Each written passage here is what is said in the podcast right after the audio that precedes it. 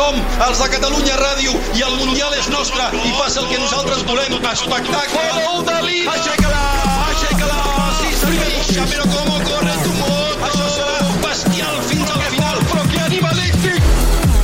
Univers MotoGP. Gas, gas, gas, gas! Amb Damià Aguilar. Es toquen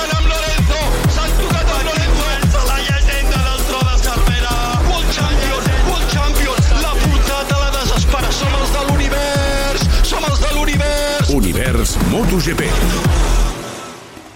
El dia que Fabio Quartararo s'ho havia de menjar tot a Jerez, el seu físic l'ha traït. No sé si és supersticiós, però quan tenia un segon quatre dècimes sobre Jack Miller, el seu braç dret ha dit prou a la volta 13 i de poder guanyar el francès ha acabat 13è. I ara diu que té el cap com un timbal i no sap què fer. Fabio, ¿cómo estás del brazo? Eh, bueno, ahora que se ha acabado un poco mejor, pero en el momento donde teníamos que estar bien, pues fatal. ¿Cuándo ha empezado esto? ¿Ha sido de sopetón? Ha sido, bueno, he pasado primero, he podido irme un poco de, de Jack, bueno, a la vuelta 10, 11, he podido aguantar todavía 3, 4 vueltas a Jack eh, a, a un segundo, pero llegó un momento donde en la curva 6 pues no tenía más fuerza para frenar.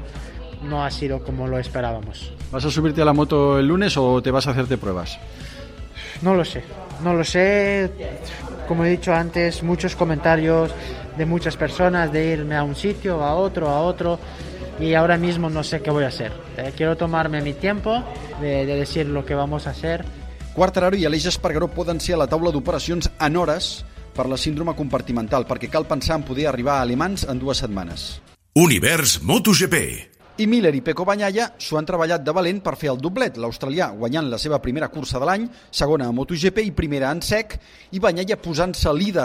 L'australià ha acabat plorant assegut al parc tancat. Those last seven, eight laps were the longest I've ever had in my career, but undescribable what I'm feeling right now. I mean, it's just a flood of emotions.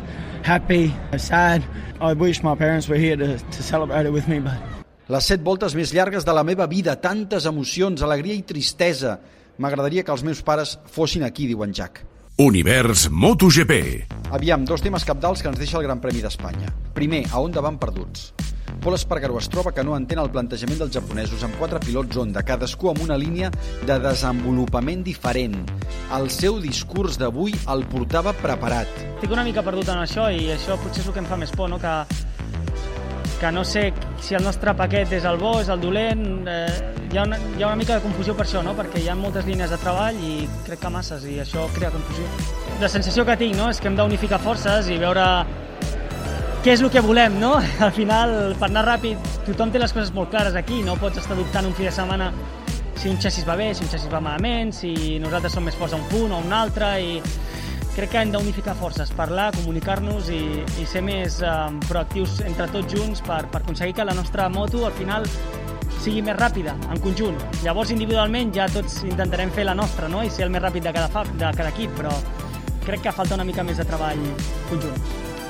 Entenc que hi ha quatre línies de treball diferents, més o menys, ara mateix, individuals. Aproximadament, sí. Tampoc ho tinc molt clar. La crítica és contundent i és a la fàbrica més gran del món i no sembla la millor estratègia. Una font de l'equip Repsol Honda em comenta que el Pol és prop d'anar ràpid i que no has de criticar la marca. La sort per al granollerí és que el seu company i número 1 d'Honda, Marc Márquez, no l'ha desmentit. És més, aporta dades interessants. fins ara no, no estava preparat jo per seguir cap camí, no, ni el meu ni el dels altres.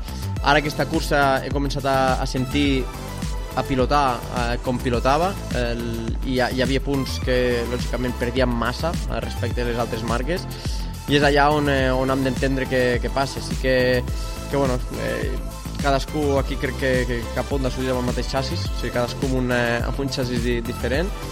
Eh, que això per una part és important perquè estan treballant, però és això, no, no, no perdre el camí.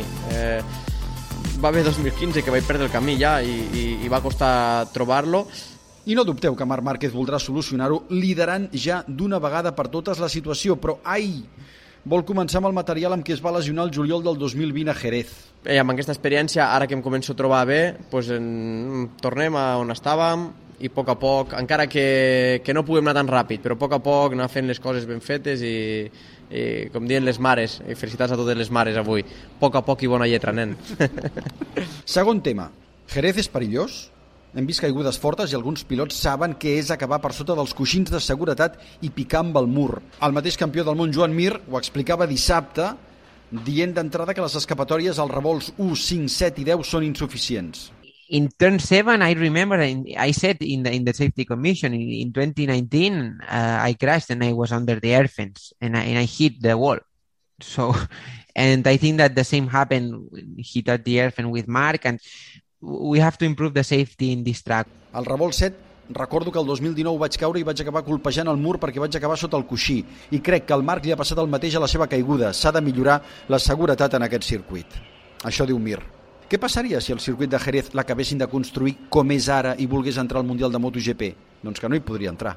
Els pilots el veurien potencialment perillós, però té un prestigi guanyat des del 1989.